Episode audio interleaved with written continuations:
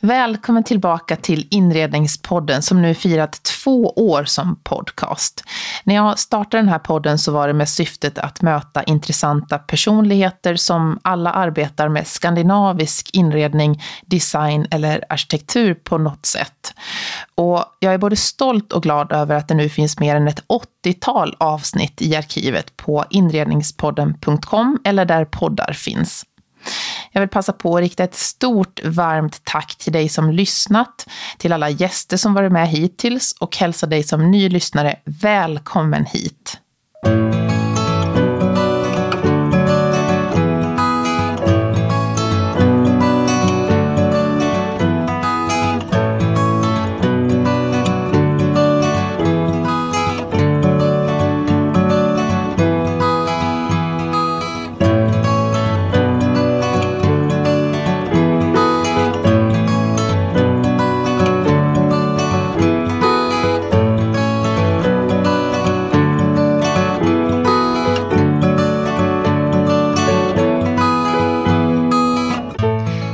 Är nog den gäst som har den mest spännande yrkeskombination som jag mött hittills. För hon arbetade som polis i Umeå under 11 år innan hon bytte inriktning och startade sitt eget designföretag Nordic Remake. Hon har en speciell känsla för att återbruka inredning och både snickrar, syr och målar för att skapa sin egen inredningsstil. Många känner säkert igen henne som inredare på tv-programmet God kväll där hon haft en miniserie det senaste året som blivit mycket uppskattad. I det här avsnittet så pratar vi såklart om allt det här. Välkommen till Inredningspodden Ida Hansson. Tack Johanna, så kul att vara här. Jag skulle åka upp till dig i Umeå egentligen. Mm. Men så var du snabbare. Jag var snabbare, jag kunde inte hålla mig så jag, jag åkte hit. Ja, det är väldigt kul. Eh, jag tror att många som eh, lyssnar på det här avsnittet kanske känner igen din röst från den miniserie som du har i tv-programmet God kväll. Ja, men nu har jag gjort två stycken um, sista året. En som eh, sändes i början av året och sen en som precis har gått på tisdagar på God kväll. Och den kommer väl också hamna på, på Play sen, hoppas jag, så man kan se, se den i en följd.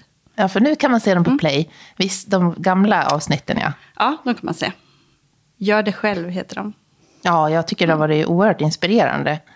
För, det, för de som inte känner igen dig, du har ju ett eh, varumärke som heter, ett företag som heter Nordic Remake. Ja, precis. Men eh, vem är Ida Hansson och Nordic Remake?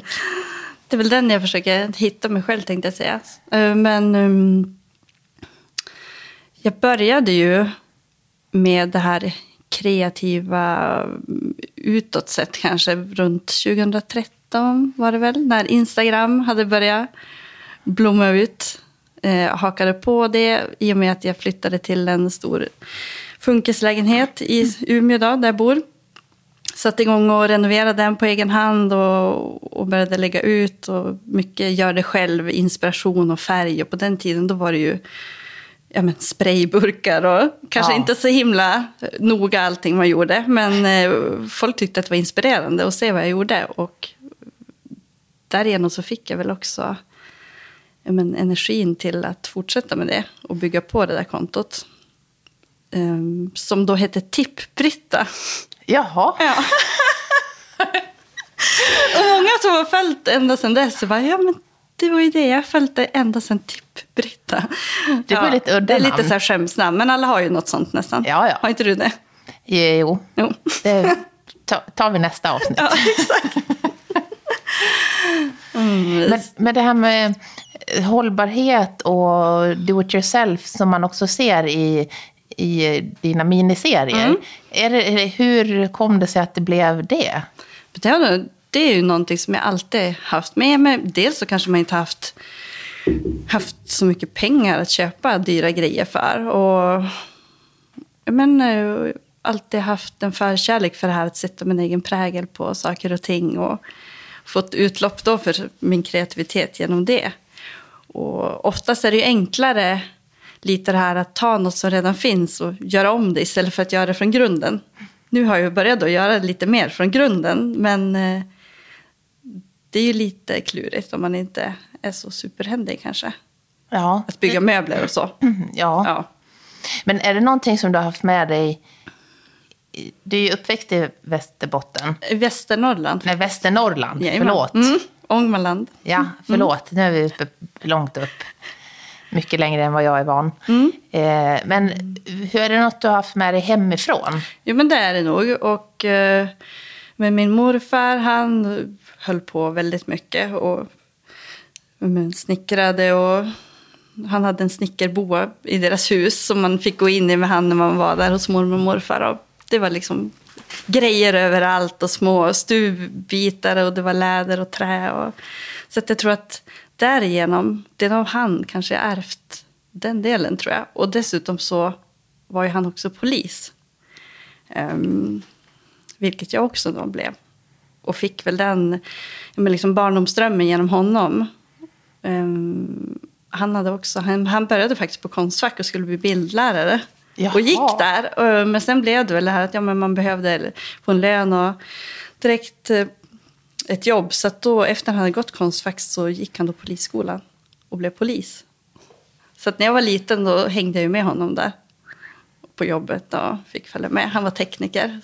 Spännande och ritade brottsplats Jaha. undersökningar för hand. Och liksom det var, där fick han ju också användning för sin då, men, kreativitet och konstnärskapet. Så jag hade nog med mig liksom, båda de bitarna redan därifrån. För det är ju någonting som eh, jag tycker är eh, väldigt fascinerande. För av alla personer jag har, har intervjuat så är du den som har den mest eh, spännande karriärkombinationen. Just att du har eh, att du är polis i, Ja. polisutbildad och har arbetat som det i 11 år. Ja, men precis. Jag eh, hade ju som sagt det med mig ända från jag var liten. Alla de här, man skrev i mina vännerböckerna med kompisarna. Vad ska det bli? Polis. Det var liksom det enda som fanns för mig. Ehm, sen så när jag hade gått ut gymnasiet så sökte jag ändå in till en textilutbildning som jag gick i Sandviken. Eh, Mönsterkonstruktion och modedesign. Jaha. Eh, och sedan så gick jag också en till utbildning i Umeå på universitetet, eller en kurs där i, i textila uttryck heter den. Eh, så att jag hade nog det, liksom, det spåret först, att jag skulle jobba med det, med mode. Men eh, den här polisdrömmen, den fanns ju ändå där. Ehm, så att efter lite, lite att jag gått lite olika här folkhögskolor och så vidare så tänkte jag men nu måste jag ju göra någonting av det där. Eh, började löpträna. jag var inte snabb kan jag säga. Men liksom, jag tänkte nu ska jag klara de här testerna. För det är ju fystester och men ganska ändå hårda krav för att komma in. Man skulle simma och jag var jättedålig på att simma. Jaha. Släpa en tung docka. Och det, man visste ju vad det var som krävdes ändå. Så jag satte igång med det och, och sökte in till skolan. Och så kom jag in då faktiskt på första försöket. Vilket inte är så i- vanligt. Fanns den bara här i Stockholm? Nej, då fanns den i Umeå också. Eh, Så att jag sökte dit och kom in där. Så att när jag var 23 så flyttade jag upp då från, från Härnösand till Umeå och började polisutbildningen. Ehm, Var det som du hade tänkt dig då? Ja, men jag tror det. Ja. Eh, Det var kul, jag tyckte om det, absolut. Och lyckades ju bli snabbare i löpningen och liksom, ja. Eh, Hängde med i det där och klarade alla prov man behövde. Kanske inte var bäst i klassen, men tillräckligt bra. Och att jag hade det här, jag tror, inom mig, liksom min personlighet, att jag älskar att träffa människor. Och jag tänkte att med det så kommer jag klara det här ändå, fast jag är inte snabbast. Och det gjorde jag ju. Och så fick jag ju också då en aspiranttjänst i, i Umeå. Och sen blev jag kvar där. Eh, flyttade aldrig tillbaka till Härnösand. Nej. Nej. Ganska skönt också att inte jobba som polis där man kommer ifrån. Hur var det sen att jobba som polis då? Du hann ju ändå jobba 11 år. Ja, jag hann jobba bytte. 11 år. Först jobbade jag ute då på ingripande verksamheten. Och, ja, herregud. Min kortaste, kortaste polisen, men eh, det gick bra ändå. Ja, du hade de rätta min- Yngst greppen. och kortast tänkte jag säga, minst. Men, eh, ja, men jag hade det. Jag löste det mesta i alla fall. Och inte var man fullärd när man kom ut från polisutbildningen. Absolut inte. Det, du hade väl en grund, men det var ju sen man fick lära sig allt egentligen genom att jobba. Så jag jobbade ute i några år och ja, men det var roligt. Men jobba natt är inte min grej. Jag var så trött alltså. Jag minns någon natt jag satt och vi hade varit på någon trafikolycka där det var en jag menar, drogpåverkad som hade kört av vägen. Och sen sitter jag med en kvinna i baksätet som då är påtänd och jag somnade liksom mot hennes axel. Ja. Ja, jag tänkte det här, men jobba natt, det, det ska jag nog sluta med för jag kanske inte är allra, ska, allra skarpast då. Nej. Så då sökte jag en dagtidstjänst som eh, utredare um, i brott i nära relation. Som var såklart påfrestande på många andra sätt. Men, eh, jag, ja, men jag gillade det också. Då fick man verkligen gå in i, ja, men i människoöden och liksom försöka få folk att vända och ta sig ur dåliga förhållanden. Eller, ja, men ja. det gav en mycket, absolut. Att man kände att man gjorde nytta på det sättet.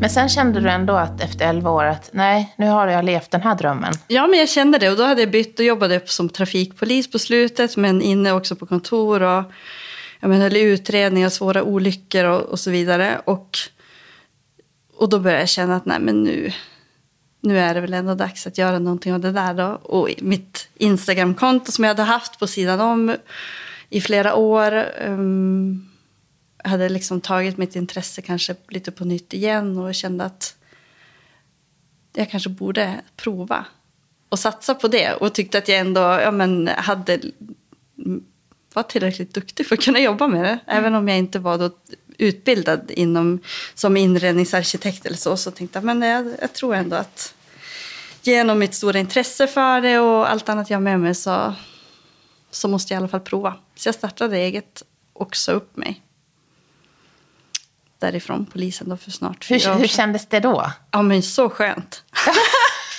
Har du sagt upp det någon gång? Det är det bästa man kan göra. Ja, Man tycker att man är liksom on Fri. top of the world. Ja, verkligen. Sen så kommer verkligheten ikapp. Att det, det är ju sjukt svårt och ja, men verkligen påfrestande på många sätt. Men, men jag har inte ångrat det i alla fall. Det har jag verkligen inte gjort. Eh, Sen har jag haft, haft två anställningar också under den här tiden, men inom ändå inredningsspåret så. Så att jag har liksom hållit mig på den banan. Men eh, ja, när du startade eget, vad tänkte du då? Att nu ska jag göra... Eh, liksom, hade du, när du startade, blev det så sen som du hade tänkt Eller blev det lite andra vägar? Ja, men det blev nog lite andra vägar. Och jag var ju kanske egentligen lite för dåligt förberedd, ska jag nog ärligt säga. Jag, eh, många kanske ja, men jobbar upp någonting innan och tänker att man ska ha något på deltid och så. Och jag är inte riktigt så. Jag är lite allt eller inget. så jag tänker att det får ge sig. Ja. Och jag började med liksom jobba, men nu hade väl mycket kontakter, i, ja, men både genom vänner och ja, andra man känner i Umeå. Och fick uppdrag därigenom till en början och gjorde men allt ifrån stod och måla väggar och inredde barnrum och kontor och, och så vidare. Höll de föreläsning, workshop gjorde jag för nyföretagare och inom då Instagram och sociala medier som, som jag hade blivit ändå ganska duktig på också under den här tiden. Um, så att jag tänkte, vi får ta liksom den väg det tar på något sätt. Jag var nog inte helt, hade den inte utstakat för mig egentligen riktigt vad jag skulle göra. Mer än att jag skulle jobba med det som jag drevs av personen. När du, du är ju väldigt duktig på sociala medier och det är så inspirerande att följa dig på Nordic Remake just att se projekten. gör. Men är det också någonting för de som lyssnar och, och Många nu s- står ju inför att förändra sitt liv. Man har kanske blivit permitterad eller man börjar fundera på vad man ska göra med sitt liv. Ja. Men eh, social, har, man tänker sociala medier är ju ingen kostnad i, i pengar direkt, det är ju tid. Ja, är men tid, är det någonting som du Mm. känner att du, som man har, som du hade nytta av? Ja, men det känner jag kunder? verkligen. Att jag tror att utan det hade jag nog inte varit där jag är idag heller. Absolut, det har varit min portfolio hela vägen. Och eh, gett uppdrag både inom det och jag menar att man kan visa på vad man kan. Och inte minst det här med kontakter. Mm. Det ska jag säga att de flesta nu som jag har, men andra frilansare eller inom genren eller som dig Johanna, Ja. har ju träffat därigenom. Ja. Så att för mig så har det varit oumbärligt, verkligen. Mm. Det ska jag säga. Eh, helt klart. Sen har ju det in sina baksidor, tycker jag, med sociala medier och att det kan ge mycket negativa känslor och intryck också. I att man matas hela tiden med, med vad alla andra gör och att man utåt sett så ser det ofta så himla bra ut och enkelt för alla. Men så är det ju inte. Mm. Det tror ju folk när de träffar mig också. Och det, det händer så mycket och det, det går så bra. Ja, men visst, det går bra, men det, det är mycket som inte går bra också. Som man får kämpa med varje dag. Och, det pratade vi om eh, förut, du och jag, om det här just då när man inte har en utbildning inom det man jobbar med. Så blir man ju, och detsamma är det för mig som är ekonom i botten, att man har, eh, man, man, man brottas ju mer med det här, eh, ja men, Ja, duktighetskomplexet och och är man då också en sån person i grunden som, som verkligen vill göra bra ifrån sig. Så, så är jag verkligen att ska jag göra någonting så gör jag det till 100 procent minst.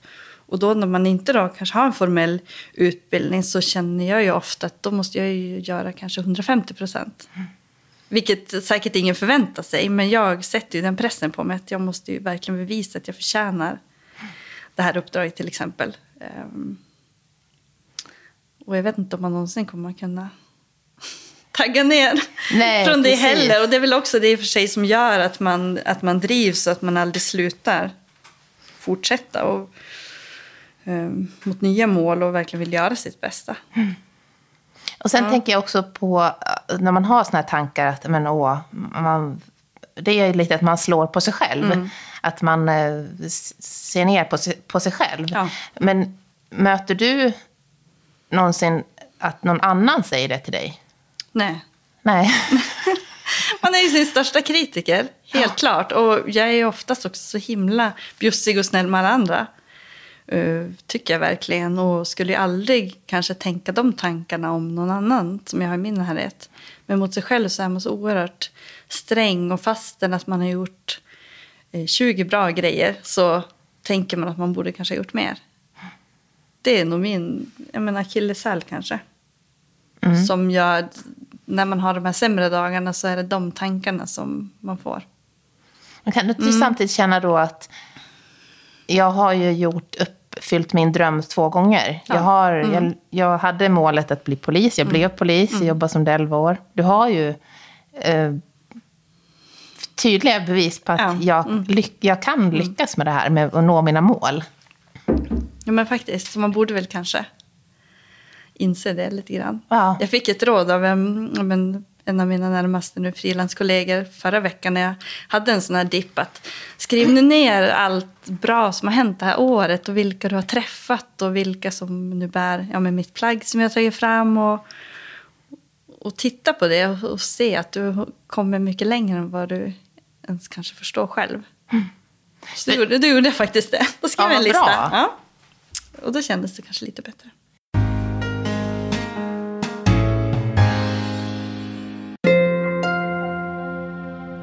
Det är verkligen jätteroligt när du hör av dig med synpunkter, önskemål om gäster eller om ditt företag är intresserade av att vara sponsor till Inredningspodden. Du når mig som vanligt på info.joelhome.se eller via direktmeddelanden på Instagram. Och du hittar podden på Instagram under att alltså snabel inrednings podden och på alla kanaler när du söker på Inredningspodden och Johanna Hulander. I dessa coronatider kan avsnitt behöva ändras med kort varsel på grund av sjukdomar. Och eh, då kan avsnitt komma att sändas på andra dagar än onsdagar. Så för att du inte ska missa något avsnitt är det säkrast att du prenumererar på Inredningspodden så att du får en notis när nya avsnitt släpps. Och det gör du på din poddlyssnare om du till exempel har iTunes eller Podcaster så finns det en prenumerera-knapp där. Du sitter ju i din målarrock som du har tagit fram. Och det är ju ett väldigt unikt projekt som du har, som har krävt ett, ett mycket av alltså mod. Ja, men verkligen.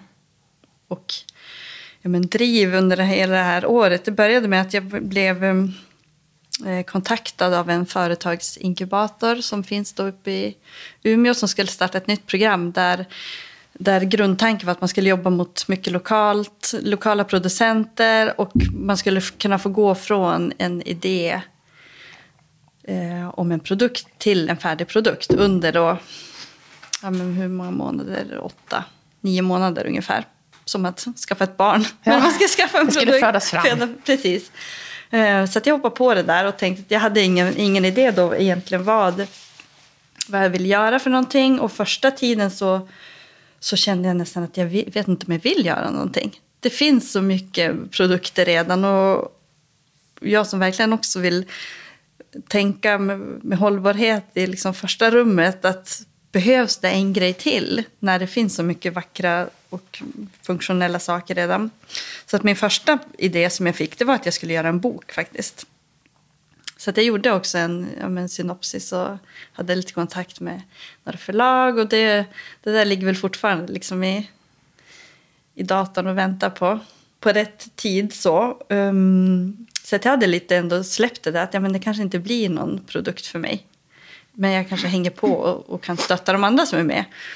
Men sen hips vips så, så fick jag bara den här uppenbarelsen på något sätt att jag ska göra ett ett plagg som jag själv har saknat. Och jag gillar att gå i liksom bekväma hängselbyxor och ja, men, plagg som man kan jobba i som är praktiska. Men samtidigt så med tanke på att jag med en modebakgrund eller det så har jag ändå ett starkt intresse för det och känner att man kan väl ändå få, få vara snygg samtidigt. Kanske man kan göra någonting som kan kombinera de där eh, delarna och att tillverka det i Sverige blev också, genom den här då, um, projektet jag var med, man skulle tillverka lokalt, så tänkte jag att men, ska jag göra ett plagg så ska det vara tillverkat i Sverige. Så, så blev det ju. Hur gick det ja. då? Vi vet ju alla att textilproduktion i Sverige mm. inte är så så finns inte så mycket av det. Nej, men det gör ju inte det. Och jag började leta runt och det var inte alls lätt att hitta någonting. Jag sökte jättemycket på nätet, svensktillverkade kläder och hittade nästan ingenting. Eh, men då så kom jag, fick jag en tanke om Pella Hedeby, som vi båda känner, som eh, hade sytt upp några prototyper visste jag. Och tänkte att om hon gör något då är det gjort i Sverige. Så att jag skrev till Pella och frågade om hon hade något tips. Och då fick jag tips om de här eh, tillverkarna då i Borås som hon hade använt. Hörde av mig till dem och skickade lite skisser och, och tog också fram ett mönster och, med hjälp av en mönsterkonstruktör som har jobbat mycket för H&M och större företag som är jätteduktig. Ehm, så att sen efter ett tag då kom den första prototypen. Då hade de sytt upp den till mig och vi gjorde lite justeringar och så vidare. Och sen um, sydde jag upp tio stycken i en första provkollektion. Så den fick jag i maj, tror jag. Ja. Och då var jag också det här, men hur ska jag nu nå ut med, med det här? Eh, en helt ny produkt och ja, men som sagt det finns stor konkurrens ändå i men både kedjor och annat. Att, eh, varför ska folk vilja ha, bära just mina kläder? Eh, men då utnyttjar jag just det här sociala medier och de jag har lärt känna där. Och, men både i Finland och Japan och ja, men runt om i, i Sverige. Så att, tog kontakt med några stylister och konstnärer runt om. Eh, och frågade om de skulle vilja prova den och bli mina ambassadörer för det här. Så, så blev det. Ja, det är ju ja. jättekul. Jätte, jättekul. Och då fick man också testa lite på, men är det här något som folk gillar? Funkar det? Är det praktiskt? Är det, passar det olika kroppsformer? För det är också en unisex. Eller en, en one size ska jag säga. Inte unisex, jag håller på att rita på en unisex-modell. Men det är en one size, så den är eh, i lite oversize modell. Så det är bara en storlek. För det var också en tanke att jag vill inte stå där med ett lager och mm. sex olika storlekar eller så. Utan jag gör ett plagg, en färg som ska passa många kroppsformer. Så den här är då en kvinnomodell ska man nog säga. Den har en sån skärning. Den är lite längre och lite kokonformad. Men eh, nu testade jag den på en av mina bästa vänner i, i helgen här och hon drar ju på ett storlek 46 kanske. Eh, och den satt jättefint på henne. Vad kul. Och även då på den, ja, min, en annan kompis som har kanske ett storlek 34-36 mm. kan ha den. Och då blir det mer loose och ja, men, beroende på hur man stylar den. Så att. Då känner man att ja, men, kanske inte är så tokigt det här. Nej. Och mm. sen just jag vet när du beskrev bara att få tag i eh, tvätt, eh, eller etiketten. Mm. Den är ju också då, men jag tänkte att allting måste ju nu vara verkligen genomtänkt och svensktillverkat. Så att den trycks av ett företag som heter Kaj 746 i Göteborg. Screentrycks för hand där. Jättekul. Mm. Ja, och även, du har, är allting svensktillverkat? Även knappar och sånt? Eller Knapparna, det tror jag inte att de är. Eller det, jag tror inte det finns knapptillverkning i Sverige. Men de är gjorda av återvunnen bomull. Ja. Och jag har hit, köpt dem via en svensk återförsäljare. Mm. Och tyget är en råbomull så att det är ju helt obehandlat. Så därför så blir det här, den är ju i en natur, naturfärg. Att jag tänkte att den här blir som en canvas. Att, eh, fyll den med vad du vill. Eh, måla konst på den eller sprätt färg eller eh, brodera eller ja. Mm. Vad man nu vill göra. Att man kan göra den personlig också. Just att den är så ren i sitt eget uttryck. Ja, jättehäftig mm. idé. Och jätte, den är väldigt vacker.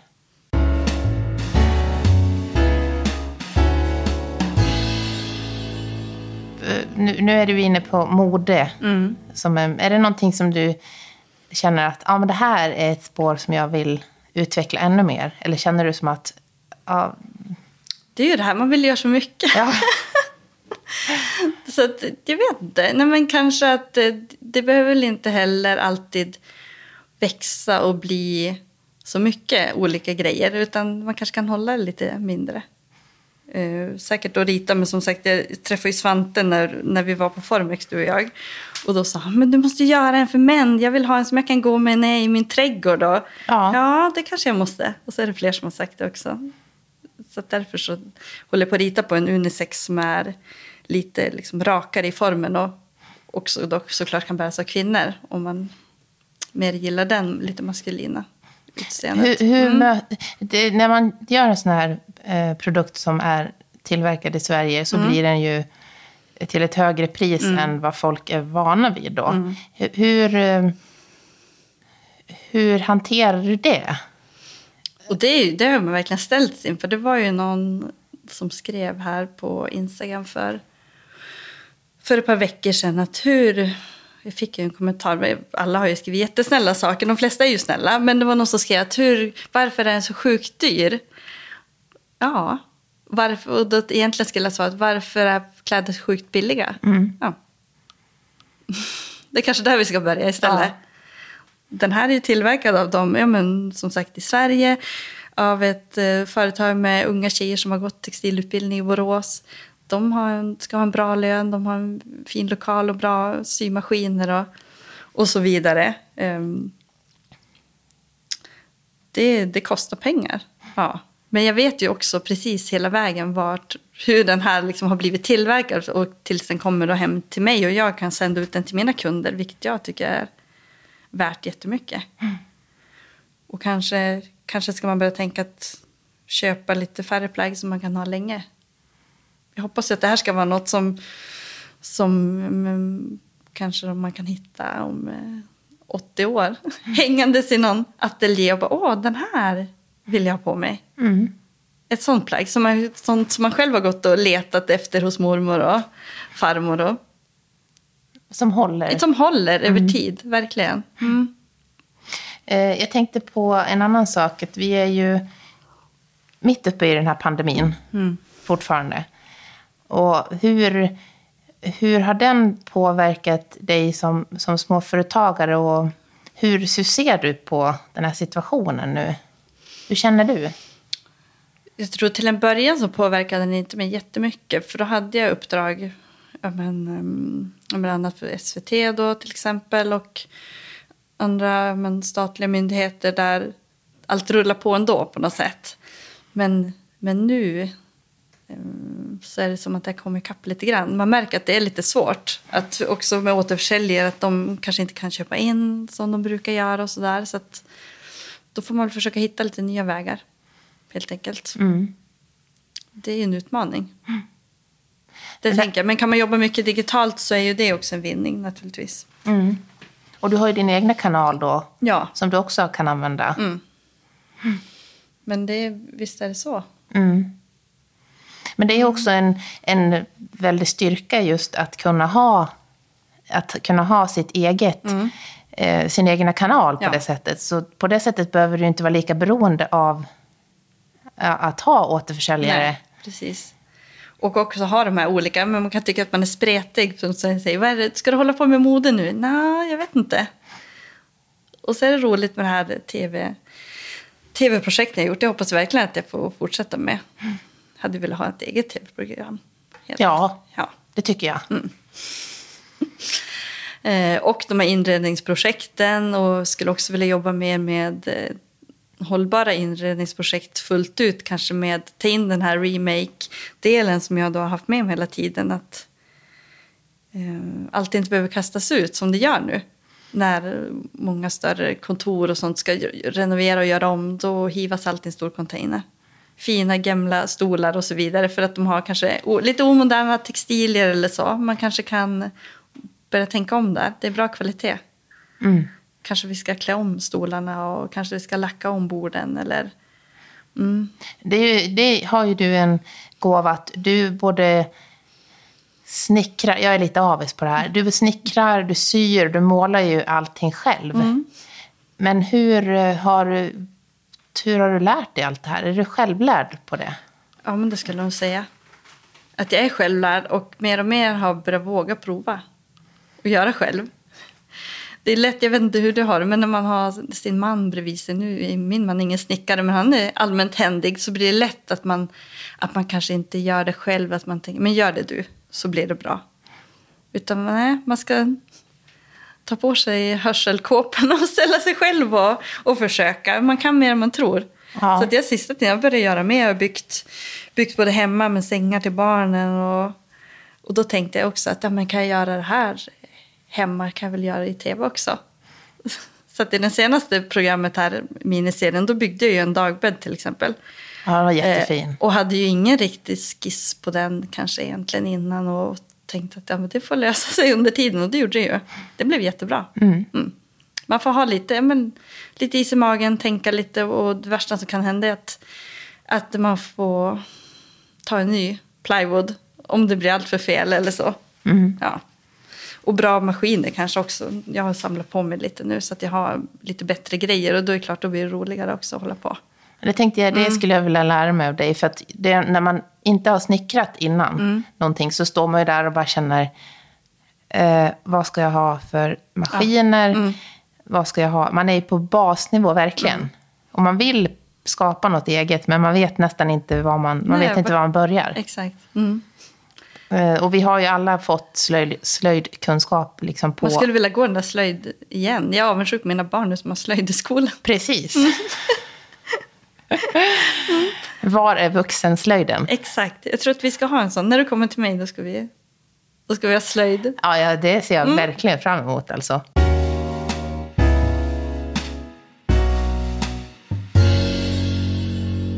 Jag tänkte fråga dig en sak innan vi avrundar och beger oss ut i Stockholm.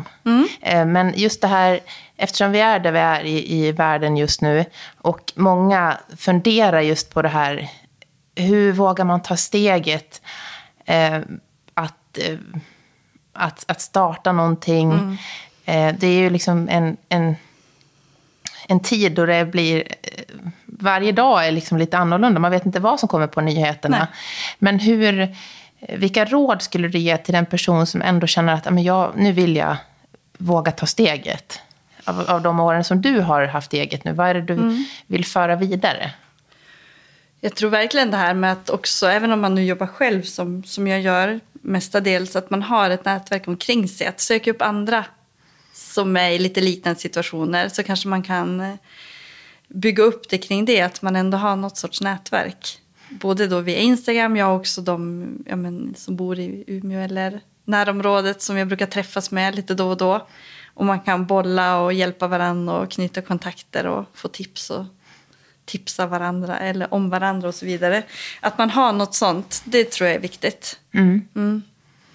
Någon grund. Och sen är det väl, men, följ ditt hjärta och så länge man inte riskerar hus och hem tänkte jag säga. så tänker jag är lite så här, men vad är det värsta som kan hända? Det värsta som kan hända är att, jag, att det inte funkade. Då Mm. får man hitta på något nytt. Mm. Ja. Men har man i alla fall försökt. Eh, en annan fråga jag måste ställa också. Eh, vem inspirerar dig mest just nu? Ja, men det är nog... Jag ska tro man dras väl lite åt de som ändå håller på med lite liknande grejer. Det, det jag ser flera, speciellt inom ja, men, textil och, och modebranschen här, som ja, men, tjejer som tar fram egna varumärken och startar upp. Och, men det tycker jag är inspirerande. Och se hur de når ut via sina sociala medier och bygger upp ett nätverk också av kunder som älskar det de gör. Um, Så jag ska träffa några sådana också nu när jag är här i Stockholm. Jaha, spännande. I den här podden får man ju önska någon som man vill eh, lyssna på i ett kommande avsnitt. Är det någon som du känner att, ja, den här personen? Ja, men jag funderade på det och det finns flera stycken. Men om jag ska säga en som inte heller har varit med i podden är Jenny Nordberg. Mm. Och nu ska du och jag gå på en utställning, Ja. eller hur? Ja. Där hennes speglar är med. Hon är ju superinspirerande och jobbar mycket med eh, också återbruk och spännande material och skräp. Konst av skräp. Jag tycker hon är supercool. Häftigt. Hur kommer man i kontakt med dig om man vill nå dig? Eh, Instagram, Nordic Remake och mitt eh, då klädvarumärke heter Make by Sweden. Så skicka ett DM eller börja följa mig där. Tusen tack Ida. Tack Johanna, Då drar vi. det gör vi.